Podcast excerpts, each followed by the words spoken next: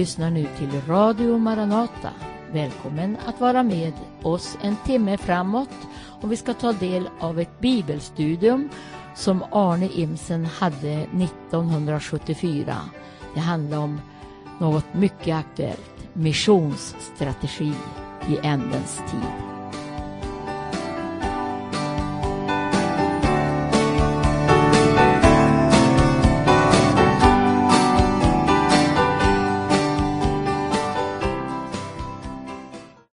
Jag tror vi ska läsa en eh, bibelvers som eh, har blivit så oerhört levande för mig. Därför att jag har sett den där versen på ett helt annat sätt än jag gjort tidigare. Genom eh, en upplevelse som jag gjorde i veckan som ligger bakom. Det är Apostlagärningarna. Och ja, vad, det, vad det handlar om, det är missionsstrategi. Nu vet jag det att det kan finnas en viss risk hos oss att verksamhetsfrågorna får så stor plats så att de själavårdande liksom blir eftersatta. Jag hoppas att det ska bli balans i det också.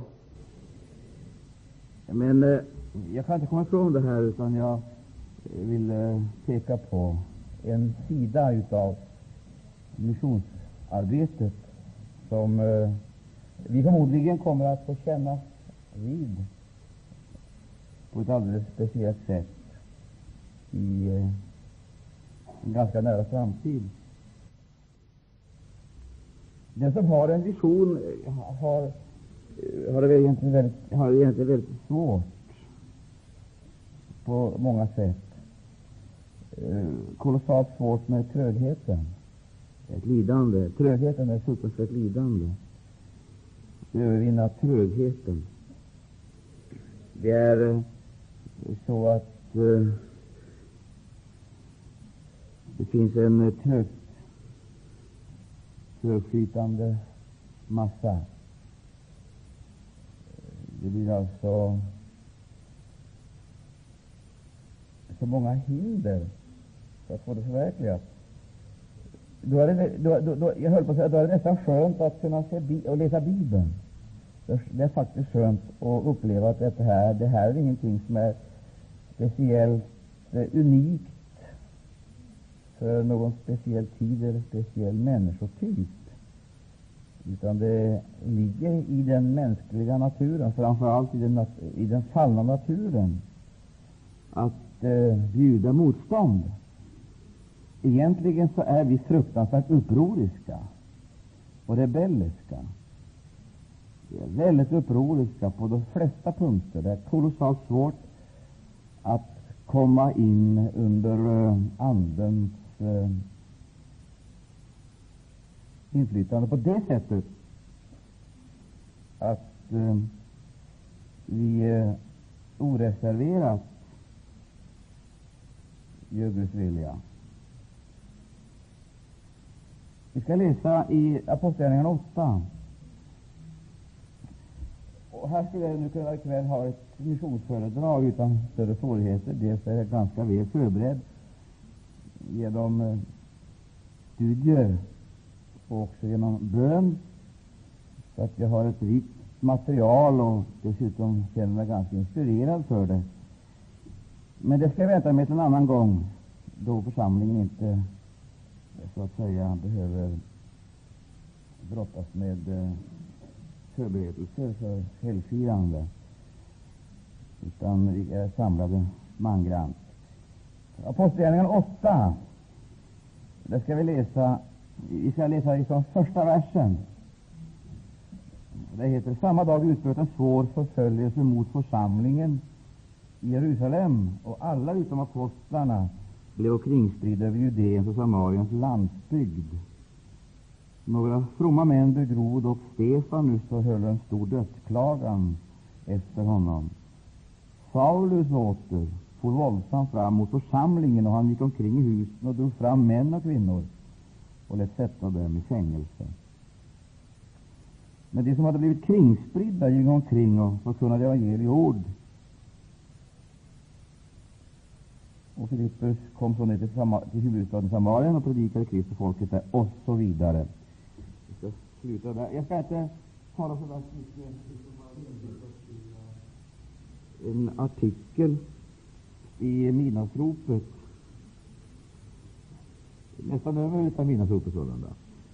Då kom en artikel där om detta.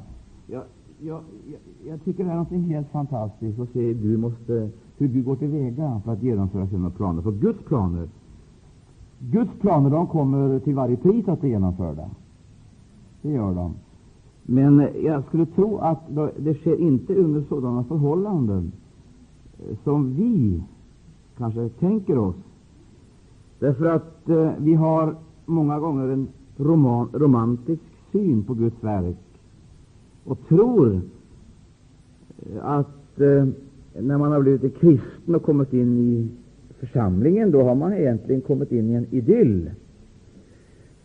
Ganska skönt och trivsamt och oförargligt och bekvämt och så sådär. Och dessutom eh, så har man också fått en gemenskap, det vill säga eh, man har fått en kontaktyta som ju helt säkert för alla egentligen är kolossalt värdefull. Man har fått kontakt med många människor och fromma människor. Sen eh, är det naturligtvis många ting som vi eh, upplever som en väldig tillgång.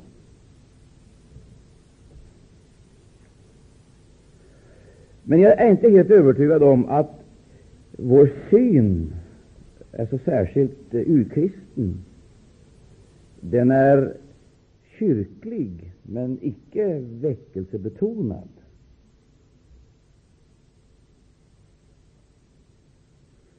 Ty detta att bli en kristen är ju att bli född på nytt och på samma gång komma in i en tjänarställning, att bli tjänare. Och när vi ser vilka bilder och vilka uttryck som Bibeln använder för detta tjänar, denna tjänarställning, så upplever vi ju att det icke kan innebära någonting annat än att man har avsagt sig dispositionsrätten till sig själv, till sin tid och till sina medel. Alltså man har ställt sig själv i Guds tjänst. Man har ställt sin tid i Guds tjänst och man har ställt sina resurser i Guds tjänst. Det är eh, det det handlar om. Sen eh, så skall man då förverkliga en gudomlig plan. Gud eh, vill ju att vi skall växa till, att vi skall utvecklas. Stagnation är detsamma som tillbakagång. I Guds rike finns det ingen möjlighet att det kan vara stagnation. Det ligger i Andens egen dynamik att den utvecklas. Den utvecklar, förnyar och den skapar ständigt något nytt. Det sker någonting i varje människas liv som tror på Jesus Kristus. Eh, och sker inte det någonting i förnyelse, då är det fel någonstans. Det måste förnyas. Eh, sker inte förnyelsen, då är det redan en, då har dödsprocessen redan påbörjats. Och då kan man räkna med att eh, den utvecklas emot det vi skulle kunna kalla för ett Laodicea-skede. Man blir alltså en skökokristen, förverkligar kristen, sekulariserad kristen, eller vad som helst, vad du kallar, vill kalla det för. Men eh, Förnyelsen i sin tur förutsätter ett personligt offer. Alltså, eh, det som ger upptakten till förnyelsen det är den personliga krisen. Det handlar om överlåtelse och frigörelse. Och denna överlåtelse sker inte en gång för alla och är sedan given, utan denna överlåtelse den pågår liksom i ständigt nya valsituationer, där vi väljer, där vi väljer antingen att avstå ifrån vårt eget eller också att odla vårt eget. Antingen ifrån vi, vi avstår ifrån vårt eget eller så odlar vi det. När vi avstår ifrån vårt eget, så säger vi ja till Guds väg och kommer in i försakelse, in i försakelse och in i efterföljelse och i frigörelse. Men om vi icke säger nej till oss själva, då kommer varje kompromiss innebära en, eh, en, en kedja som fjättrar oss fast i ett system. Det är, det, det är oerhört sant. Ett system byggt på kompromisser, ständiga kompromisser, oupphörliga kompromisser. Den ena kompromissen liksom nödvändiggör den andra. Så blir vi då eh, mer eller mindre skrymtaktiga,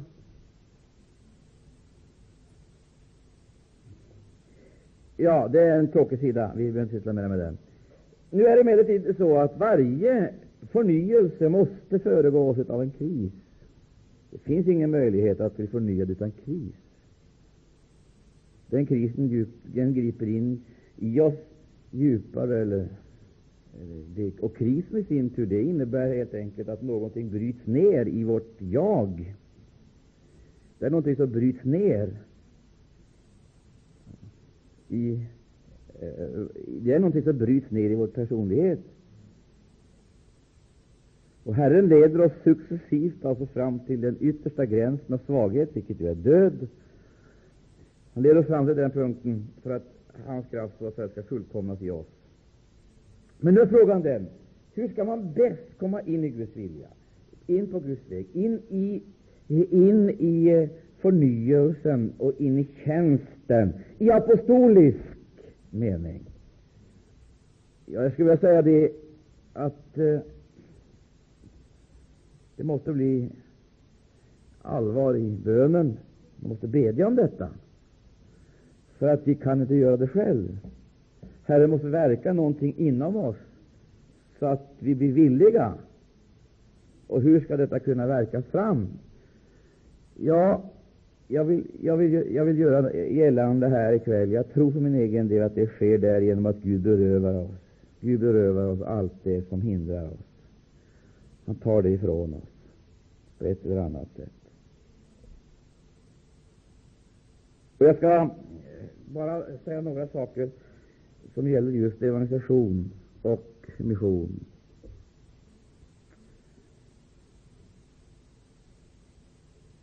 Jesus hade sagt till lärjungarna i sitt avskedstal Mig är given all makt i himlen och på jorden, och för den skulle ut och göra alla folk till lärjungar.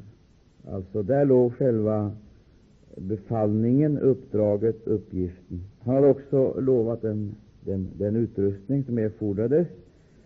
Han hade sagt eh, att de skulle bli beklädda med kraft för att bli martyrer och uppståndelsevittnen. Och han hade också gjort klart för dem vilka villkoren var. Villkoren, det hade han ju gjort klart för dem. Jag har nämnt här självförsakelse och självförnekelse. Eh, han hade också gjort klart för dem att det innebar eh, kolossalt mycket av eh, uppoffringar, personliga uppoffringar, för att evangelium det skulle spridas alltså ifrån Judeen, Samarien och sen in till jordens ände. Men det märkliga är att andedopet liksom räckte inte till för att få fram resultatet. Och jag har många gånger funderat på det är för märkligt att andedopet inte räckte till för att övervinna det här som jag skulle vilja kalla för självbevarelsedriften i oss. Vår, vårt enorma behov av trygghet. Det räckte inte till för att övervinna självbevarelsedriften. Därför så stannade hela skaran i Jerusalem helt och hållet emot Mästarens befallning att de skulle gå ut.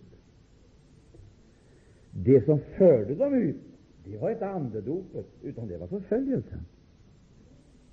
Ja. Och så ska jag säga en annan sak. Det är inte bara det att det var, att det var förföljelsen som förde dem ut.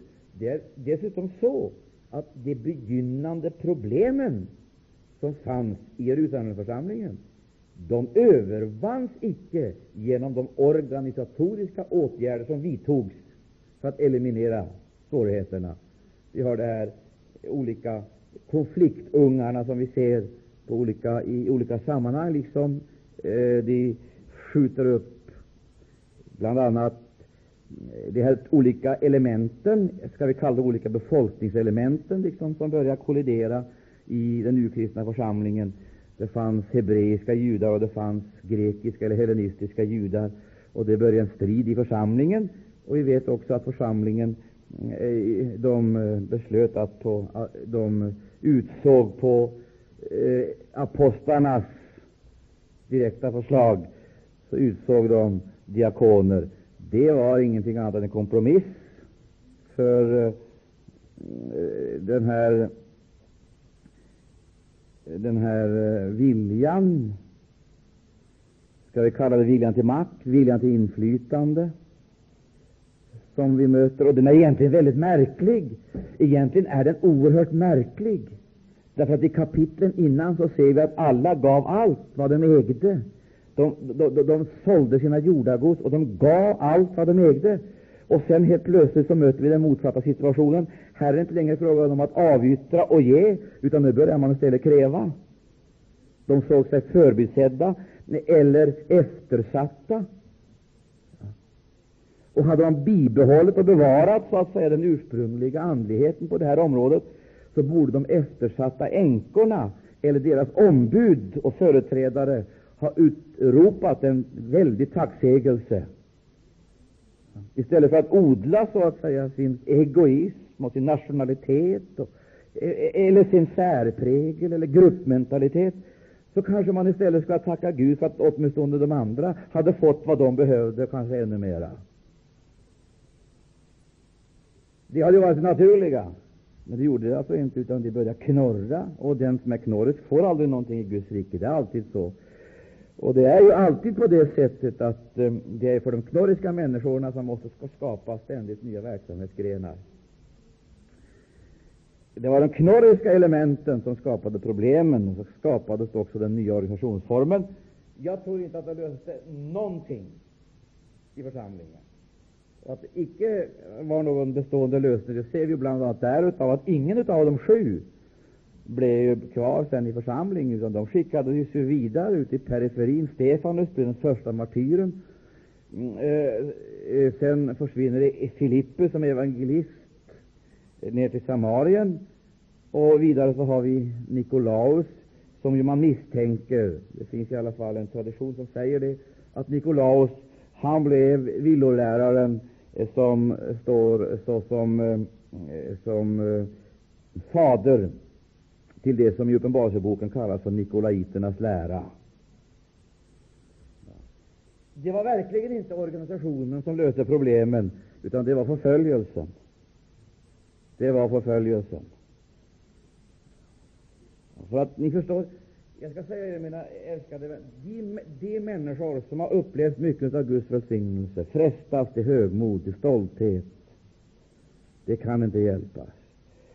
Alltså det, det, är för märkligt. Har man fått materiella välsignelser, har man fått andliga välsignelser, det vill säga har man fått det man har längtat efter, så denna, det, det, detta har liksom eh, det har uppfyllt, så, så, så, kommer, så kommer frestelsen till högmod, till stolthet, självgodhet, säkerhet.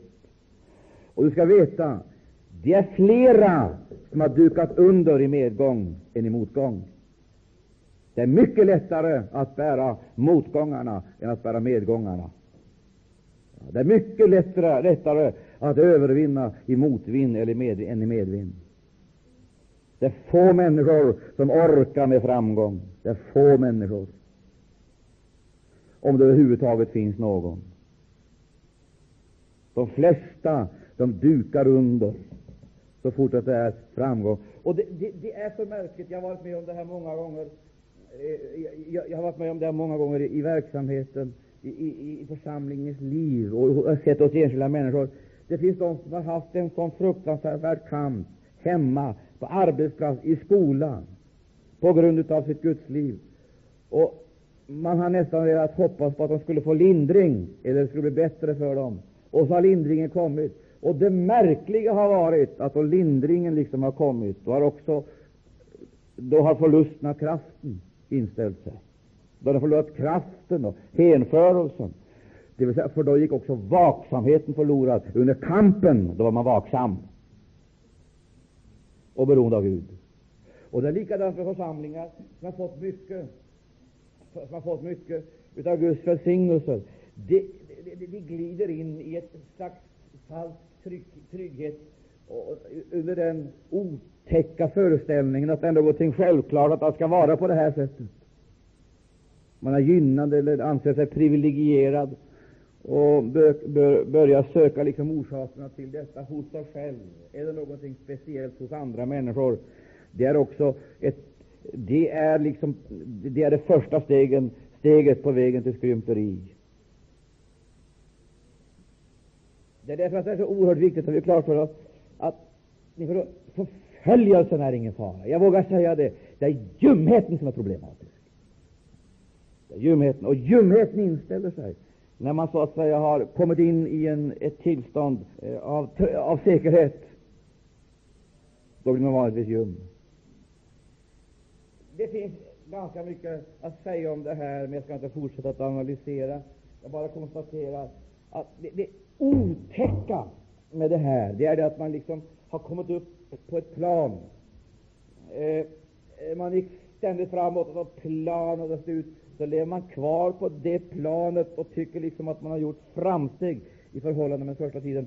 Men du förstår, det, det otäcka är för många att de har planat ut sin livsvandring. Det vill säga, det är inte en fortgående förnyelse, en fortgående uppenbarelse. Eh, även om man är kvar liksom på det plan som man har intagit, så är det inte ett tilltagande och en utveckling, utan det är stagnation. Det är många gånger också så från församlingarna, och det är ett stort problem. Det är för, för den som upplever nödvändigheten av, att, nödvändigheten av andlig beredskap, andlig beredskap, andlig vaksamhet, som upplever nödvändigheten av offensiva, Eh, eh, offensiva framryckningar i Guds rike. Allt försvarskrig är egentligen eh, en kompromiss och en, eftergift som icke kan leda till någonting annat än nederlag. Men låt mig få visa dig en sak här i, Andra Korinthierbrevet, där vi får veta om tillväxtens lagar. Det heter Andra Korinthierbrevet 10. Där heter det så här, ifrån 13 versen. Ja, vi kan läsa ifrån den 12. Ty vi är icke nog dristiga att räkna oss till eller jämföra oss med somliga, som giva sig själva gott vitsord, men som är utan förstånd i det att de mäta sig allenast efter sig själva och jämföra sig allenast med sig själva. Vi för vår del vill jag icke berömma oss till övermått, utan allenast efter måttet av det område som Gud tillmätte åt oss när han bestämde att vi skulle nå fram jämväl till eder. Mina vänner, det är fråga om att nå fram och inta. Här ser du visionen, aktionen för att inta och behålla. Att nå fram till eder. Men det är nog med att nå fram till en position. Det finns ännu flera bortom eder.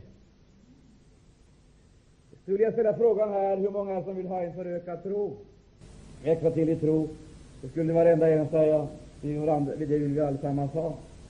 Men vi är medvetna om trons egna lagar. Det finns inga möjligheter att tron kan tillväxa om tron icke så att säga kanaliseras efter det mönster som är givet här i ordet. Det heter i 14 versen Ty vi sträcka oss icke utom vårt område, som nådde vi icke rättligen fram till eder. Vi har ju redan med evangelium om Kristus hunnit fram jämväl till eder. Och så kommer den 15 versen och så här. När vi säger detta, berömmer vi oss icke till övermått, icke av andras arbete, men väl har vi det hoppet att i samma mån som eder tro växer till inom det område som har tillfallit oss, skola bland eder vinna framgång i så överflödande mått att vi också eh, får förkunna evangelium i trakter som ligger bortom eder. Frågan är hela tiden var finns gränsen för Guds möjlighet? Den finns här i församlingen. Och hur ska de gränserna sprängas? Det är när tron växer till, så vi är villiga att sträcka oss utanför det område som redan är intaget. Det är inte bara frågan om att bevaka och befästa redan intagna positioner. Det är frågan om att också utvidga. Och då ställer man frågan, hur var det nu då med Jerusalemförsamlingen? Hade den inte tro för mission? Hade den inte tro för evangelisation? Den hade tro inom vissa givna gränser, men de gränserna de måste sprängas på ett exceptionellt sätt. Och de gränserna kunde sprängas uteslutande, naturligtvis, om varenda en utav församlingens lemmar blev kanaliserande, alltså mottagande och kanaliserande det Guds liv som evangelium företräder. Och därför gick det till så här. Vi döpta i den heliga Ande. Jag, jag, jag, vill inte dra några bestämda slutsatser, men jag håller på att säga det finns kristna som håller på att dö av tråkighet. Som dör av knorriskhet och kritiklusta. Därför att de är passiva åskådare hela tiden. Och, och sitter liksom på parkett. Och den ena gången bejublar man genom att ge en applåd, och den andra gången så buar man. Därför att man hela tiden liksom ser andras eh, insatser, och så bedömer man de insatser med eh, någon elit, jämför, eh, men kommer aldrig själv liksom in i tjänsten, in i gärningen utan blir hela tiden åskådare, antingen bejublande eller belackande. Detta är ett oerhört problem. Det finns kristna som håller på att dö av tråkighet. De är uttråkade. De är uttråkade på möten. De är uttråkade på kristen verksamhet. De är så uttråkade, som man kallar det för möteströtthet. Möteströtthet, vet du vad det är för någonting? Det är ingenting än ett resultat utav sysslolöshet och meningslöshet. Det vill säga, man har icke kommit in i gärningen, i uppgiften. Och den som har kommit in i gärningen och in i uppgiften, han har ständigt någonting spännande, någonting intressant, någonting förnyande, någonting krävande, någonting som kräver, men också någonting som tillför förnyelse och kraft. Och jag, jag, jag, tror för min egen del, hela den här nya församlingen i Jerusalem, hur många det nu var, den höll på, den höll på att slå sönder genom interna problem, orsakade av bristande intresse för mission och evangelisation. Och det tog Gud i tur med, därigenom att han lät förföljelsen komma. Jag ska säga er, mina älskade vänner, det finns kristna i den här församlingen som kommer att sitta här till döddagar. Och då, om Jesus kommer, så kommer de i alla fall att sitta här. Det gör de. De kommer att gå hit på samma, jag höll på att säga, på samma eh, robåtsliknande sätt som alla gånger tidigare. De kommer till möteslokalen, de sätter sig ner, de är med i möten och så vidare, men kommer aldrig med uppgiften. Därför är de tråkiga och tråkande. Och jag, jag tänkt många gånger, Gud i himlen, må du, må du hjälpa oss så vi förstår att vi får ingen annan uppgift där uppe än den vi har gått in i här. Därför att det är den uppgiften som vi har gått in i här som ska fullkomnas där. För att det är i det tillkommande tidsåldrarna som han ska bevisa sin nåds rikedom emot oss i Kristus Jesus. Det vill säga, det är nu vi börjar tjänsten. Det är nu. Nu vill inte jag säga det att det behöver vara något tråkigt att gå till möte. Tvärtom! Varje möte har betydelse för den som lever. Och jag, jag, jag tror för min egen del att, att det är så här. Man äter Guds ord. Man tar emot näring. Man äter och man möter också uppenbarelsen i ordets ljus. Man upplever välsignelse av tungotal och uttydning. Också kanske under och tecken. Upplever välsignelse av detta. Men det räcker inte. För även det, hör du, blir till sist tråkigt. Och monotont och enahanda. Om tron skall utvecklas, så måste nya områden intas. Det vill säga, det liv som jag har måste fortplantas. Ty annars så kommer jag uppleva mig som en steril eller andligen impotent människa. Och där ligger Andens egen dynamik. Det är frågan om att vi måste fortplanta. Livet måste fortplantas. Och tron kommer att tillväxa i den mån som vi fortplantar detta liv till vår omgivning. Ska tron utvidgas och utvecklas i Maranataförsamlingen, då måste flera frälsas. Det måste flera barn till. Då kommer förnyelsen. Detta sker inte genom kollektiva åtgärder i och för sig, utan det sker därigenom att varenda en av oss blir gripna av missionens Herre på ett sådant sätt att det blir klart för oss att vi har blivit befullmäktigade att bära hans budskap till vår egen samtid. Och därmed så jag avslutningsvis bara komma in på den konkreta situationen. Förföljelsen kom, och det blev kringstund. Jag skulle säga det kommer en period, det kommer en tid då Gud, halleluja, griper in för att skapa ordning efter sitt eget mönster. Det är inte den missionsordningen vi liksom älskar eller idealiserar, utan det är Guds egen. Nu ska vi få ett konkret. Jag upplever i min ande att vi går in i den tiden att då alla de som inte har tid för Guds verk kommer att få gott om tid. De kommer att få gott om tid. Synnerligen gott om tid. De blevo. Gud kommer att sätta oss i en situation då vi inte längre väljer, men tvingas. Jag ska säga det till oss allesammans. Vi går in i en tid och det här kommer att uppfyllas. Jag har upplevt det den sista veckan här. Jag såg en rapport ifrån Amerika och ifrån Europa. Det finns redan i Europa och i Amerika 10 miljoner arbetslösa. Vad detta ackumulerar av oro, av ångest, som så småningom kommer att explodera, behöver man inte vara profet för att ana. Men jag ska göra klart för dig en sak, min älskade vän. Man bollar med statistik och man resonerar om det är en depression av djupgående art. Man tänker på 30-talet och vad som därav följde, världskriget i 30-talets slut. Kom ihåg vad jag sagt åt dig.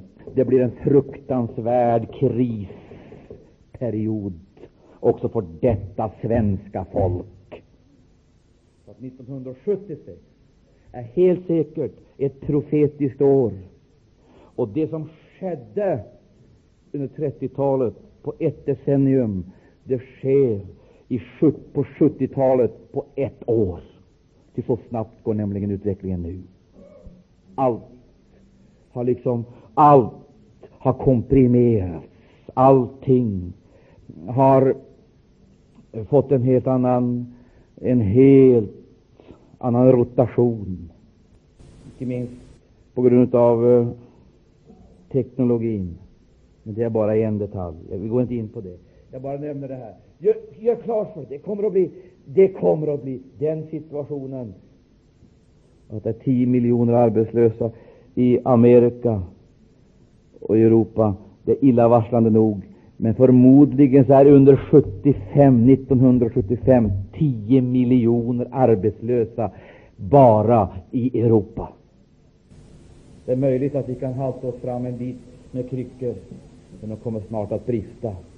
Och du ska veta det, att de som idag icke har tid med Guds verk, de kommer att få tid. De som idag menar att det är tid att bygga, och att det idag är tid att rusta och göra i ordning, efter ett världsligt mönster, de kommer att få tid. Skriv upp det. Det är därför Gud håller på att kalla oss in i ett nytt livsmönster. Han vill förbereda oss mentalt så vi inte överraskas när dagen är inne. Men han vill också ge oss en livsstil där vi sänker våra standardkrav ner på en nivå så att vi kan klara kriserna och bli bevarade så att vi icke överrumplas och går under som tiotusental och miljoner gjorde i 40-talets början. Vi har bett om väckelse. Gud har sänt väckelse. Den ena vågen efter den andra har gått fram över hela västerlandet. Vad har resultatet blivit? Jo, vi har tagit vara på lustmomentet och låtit kampmomentet gå. Och när väckelsen har gått förbi har vi suttit kvar där i orubbat bo och njutit vidare utav de materiella fördelar vi har lyckats skaffa åt oss. Och så har vi fortsatt att i vår fattigdom och i, eh, med, med tomrummet i vårt väsen har vi fortsatt då till nästa gång och bedja om väckelse. Och så har Gud kommit med en ny våg. Och så har vi tagit lustmomentet där också och njutit nästan ihjäl oss. Och när väckelsen har gått förbi så sitter vi kvar i orubbat bo. Och det märkliga är att fastän väckelsen har svept fram så har inte fört till, tillfört väckelsen nya fäder, nya mödrar som har tagit hand om de nyfrälsta. Märkliga företeelser. Och så har vi tröttnat på det världen har att bjuda igen. Så har vi ropat och bedit, och så har Gud kommit igen. Och så har vi tagit vara på lustmomentet igen och njutit till dess att väckelsen gick förbi, och så har vi suttit kvar i orubbat bo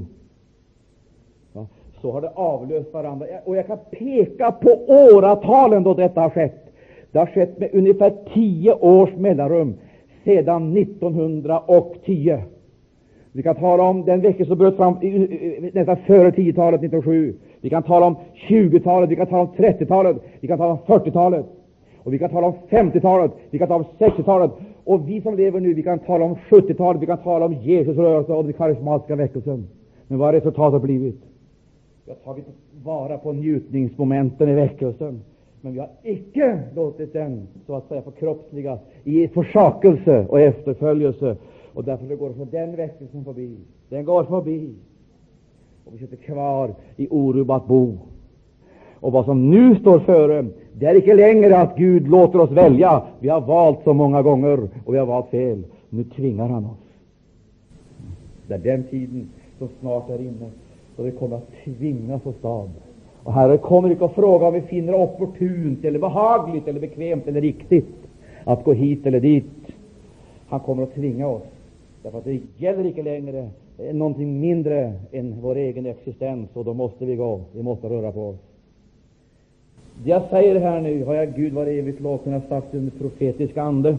Och ni kommer att uppleva det. Jag märker att jag fick säga det här, det jag sagt nu i det här lilla mötet. Därför att hade det varit ett större möte så hade jag förmodligen icke kunnat säga det. Och det kommer att gå i bokstavlig uppfyllelse. Och vi kommer att möta det. Och det jag säger här nu i det här lilla mötet, det kommer att ropas ut på torgen. Herren kräver en uppgörelse och en redovisning för allt det vi har mottagit och deformerat istället för att formera och reformera. Jag tror, jag, jag, jag tror absolut jag har varit med om mitt livs absolut största kris inför det här. Jag upplever, jag upplever, det, jag upplever det fysiskt. Jag upplever det fysiskt. Någonting så fruktansvärt ohyggligt. Därför att jag vet en liten aning om vad det här kommer att innebära för mängder utav människor. Omställningsprocessen som blir nödvändig.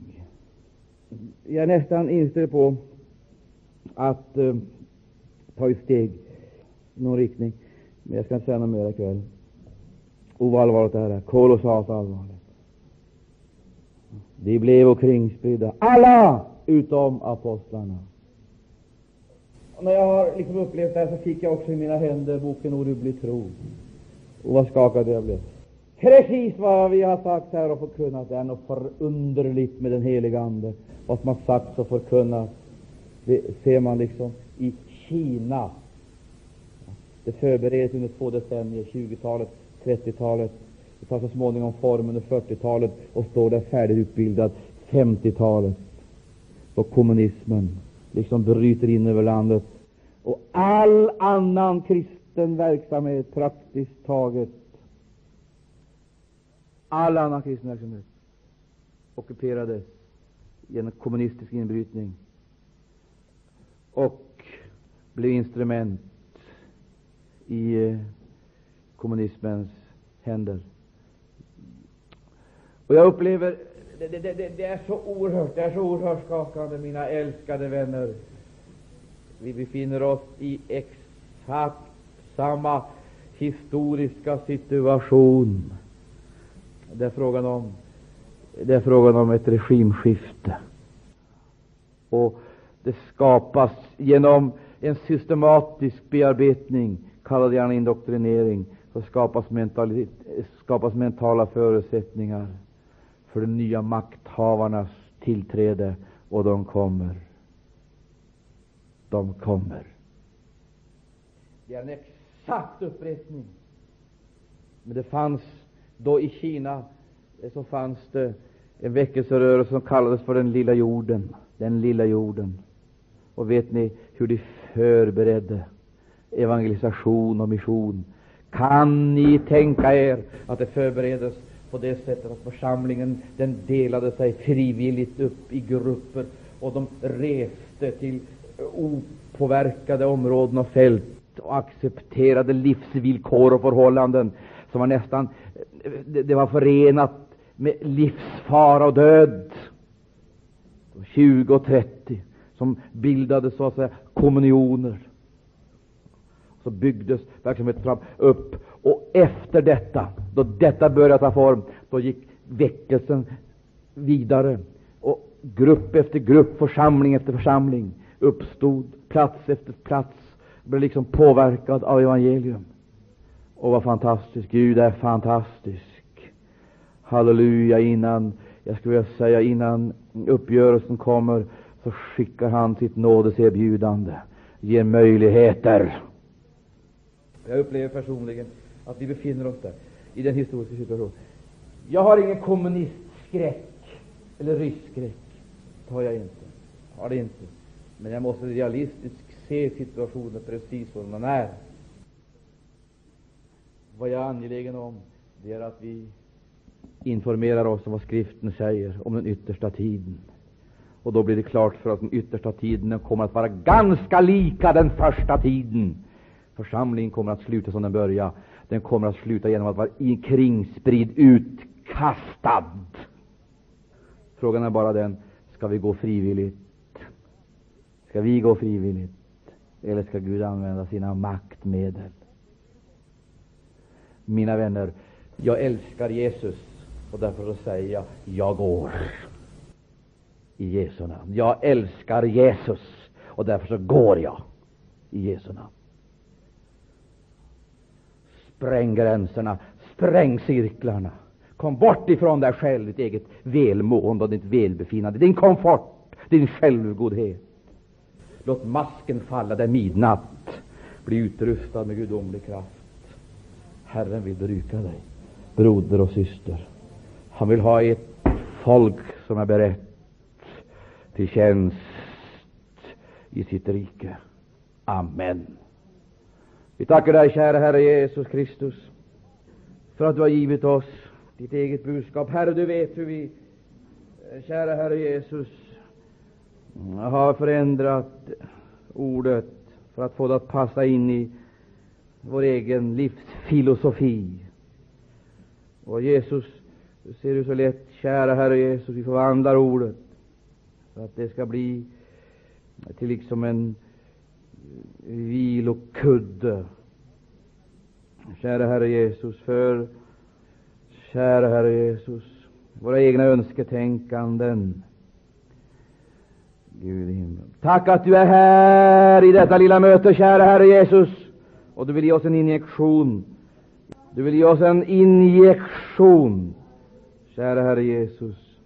Låt det bli klart för oss vad det innebär att det icke fanns rum för dig i härberget. Låt det bli klart för oss, kära Herre Jesus, vad det innebär att en hel nation som väntade dig ändock var helt blind, kära Herre Jesus, inför det profetiska skeendet. Lär oss, Herre, vad det innebär, kära Herre Jesus, att det var män ifrån andra länder, Österns länder, som lotsades till platsen dit, kära Herre Jesus, du hade kommit. De lotsades dit utav denna stjärna. Åh Herre, tack att det finns utom och kringliggande områden, bortomliggande områden, där människor behöver ljus, vägledning, orientering och hjälp oss att vi verkligen har uppenbarelsens stjärna, Gud, det profetiska ordet, så vi kan vägleda människor, kära Herre Jesus, in på din väg. Herre, Fräls oss, fräls oss, fräls oss, fräls oss, fräls oss, fräls oss. Herre, när vi ser dessa oerhörda ting som du har låtit ske, Gud. Åh, vad fantastiskt, kära Herre. Tack för tiotalets väckelse, tjugotalets väckelse, trettiotalets väckelse, fyrtiotalet. Tack och lov, tack och lov, tack för femtiotalets väckelse, sextiotalet, sjuttiotalet. Käre Gud i himlen, tack och lov för uppbyggelse, förmaning, bestraffning, tuktan. Allt detta, kära Herre, som har kommit för att väcka och iståndsätta ditt folk. Tack och lov för att det för fram, kära Herre Jesus, den punkt då du får ett folk, kära Herre Jesus, som är redo att ta trons egna konsekvenser, sätta klacken på sitt eget förrädiska jag, kära Herre Jesus, och övervinna sig själv och gå in, kära Gud, i kallelsen och uppgiften. Herre, Herre, Herre, Herre, ta hand om oss här, ta hand om oss här. Tack att du hör bön, kära Herre Jesus. Vi förstår att dagen kommer mycket snart då inte arbetslöshetskassor kan hjälpa oss, då det inte finns eh, sjukvård och socialvård, kära Herre Jesus, som kan hjälpa och skydda oss. Dagar kommer, kära Herre Jesus, då hela eh, vårt välplanerade livsmönster störtar samman och vi står där inför det faktum, Herre, att världen är i kaos. Kära Herre Jesus, att vi icke har något eget val, utan att vi måste kasta oss med allt vad vi är och har i dina händer och dina armar. Gud, vi måste förbereda oss och väcka oss upp, kära Herre Jesus. Vi fattar att bönelivet, kära Herre Jesus, måste fungera. Bibelstudiet måste fungera så att vi får inspiration och kunskap. Och Jesus, tack att du därigenom också ska spränga cirklarna för oss, så vi kommer till grannen med frälsningsbudskapet, kommer till omgivningen med frälsningsbudskapet, genom litteratur, genom vittnesbörd och på övrigt sätt i vårt arbete, kära Gud. Hjälp oss att vi konserverar otron och permanentar olydnaden, kära Herre. Jag ber dig, Herre Jesus, hjälp oss lyssna och lyda, tjäna och följa in i detta fullbordade och fullkomliga verk. Har du kallat oss och du vill vi ska leva och verka där. Halleluja.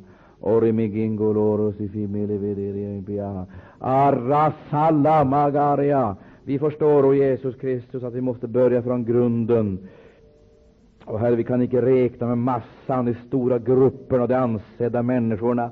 Vi måste börja ifrån grunden med två och tre, två och tre, tre och fyra. Kära Herre Jesus. Och Gud, och Gud, ena oss och förena oss på denna blodsgrund genom Andens enhet. Herre Jesus, och är det så, Gud, att det finns element som icke hör ditt rike till, som är väsensfrämmande för den heliga Ande, så beder vi dig, Jesus, dra upp gränsen på ett så tydligt sätt att vi ser och förstår var vi hör hemma, Jesus, var vi hör hemma, och vet, kära Herre Jesus, vad du har ämnat med allas våra liv. Gud i himlen, du ser våra familjer, du ser våra hem. Ja, Herre, hur har vi kunnat komma på så dåraktiga tankar? Kära Herre Jesus, att du har kallat oss att leva i bekvämlighet. Gud i himlen, sorgfritt och ostört, när en hel värld håller på att gå till helvete.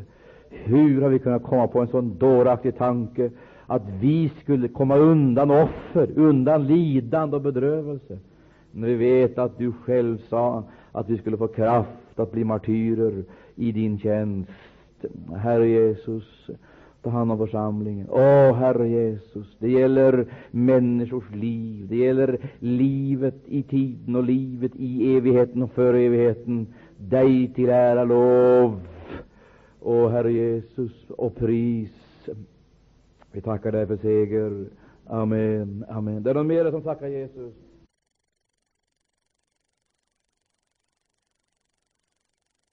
Vilket material som vi har! Vilka illustrationer, vilka åskådliga exempel! Vi har ur den profetiska historien, kyrkohistorien, ända in på vår egen tid. Och ovanpå allt detta så har vi världssituationen, som är ett totalt och fullständigt unikum. Och från vecka till vecka händer det saker och ting som gör klart för oss att det finns inga möjligheter att utvecklingen kan fortsätta eh, utan en världsmakt. Och vad är det vi ser nu? Det är ekonomin som störtar samman, och det är förberedelsen för en helt ny penningpolitik. Det kommer en ny valuta, och därför så kommer era pengar, mina vänner, inte vara värd någonting. Vad det lider. Därför att det kommer en helt ny valuta. Och arbetsplatserna, de kommer inte att eh, Eh, vara tillgängliga på det sätt som de är idag. Du kommer inte till något arbete utan att du har gått in under de villkor som den nya regimen dikterar. Och de villkoren de är dikterade i humanismens namn, och det är där problemet ligger. Och det kommer att byggas upp, förstår du, på ett så psykologiskt, religiöst, utsökt fint sätt så att den som inte är döpt i den heliga Ande och är vaken med Bibeln i hand kommer inte att upptäcka det förrän man är fast i det. Och har man fastnat i det så kommer man inte loss, hur mycket man sprattlar. Kära och jag, jag tänkte, jag tänkte i hela den här månaden, Gud vad ska vi göra, vad ska vi göra? Kan vi sitta här och se detta, veta om allt det här, bara tiga stilla? Det kan vi inte. Vi ska ropa och predika. Och därför så är det också vår skyldighet att se till att vi får andra kanaler så vi får ut budskapet till människorna. Bortom vårt område. Vi ska tala med Herren ytterligare en stund. Vi hade en del saker vi skulle tala om, men jag bryr mig inte ett dugg om det. Vad betyder verksamhetsfrågorna inför det här perspektivet? Ingenting. Och därför ska vi tala med Herren ytterligare. Vi ska be till Gud att Herren får hjälpa oss. Kära Herre Jesus Kristus, kära Herre Gud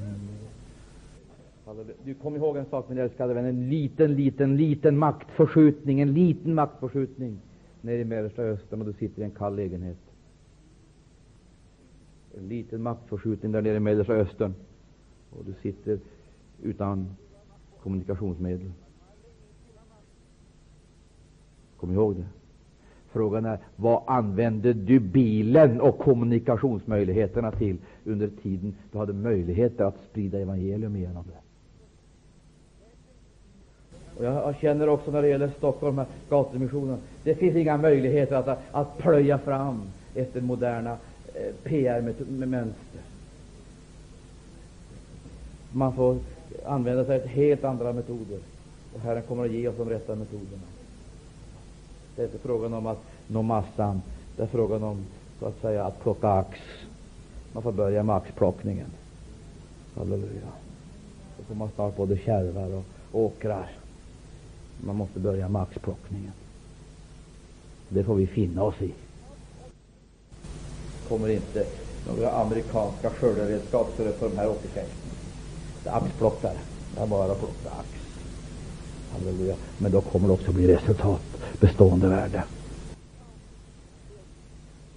Ja, det, det här som jag upplevde igår, jag talade med Herren, var två lystringssignaler. Jag, och jag, jag, I ordnade hopar, i ordnade hopar, i ordnade hopar. Icke en uteblir. Levande klart för mig det här, förstår du, med disciplinens nödvändighet. Att vad Gud måste lära oss att lyssna. Och där skulle jag kunna tala till dig ikväll ett budskap som Herren la på mitt hjärta i veckan här. Eh, Jesu egna ord. Lyssna. Att lära sig lyssna. Åh, att lära sig lyssna. Och lyssna på ett sådant sätt så att vi inte missuppfattar budskapets innehåll, förvanskar det eller glömmer någon väsentlig detalj så att det blir felaktigt utfört. Och sen lyda, lyssna och lyda. Ska flyta i öknen. Det vi upplever Guds rikets tid. Hela jorden blir fylld med Guds lovsång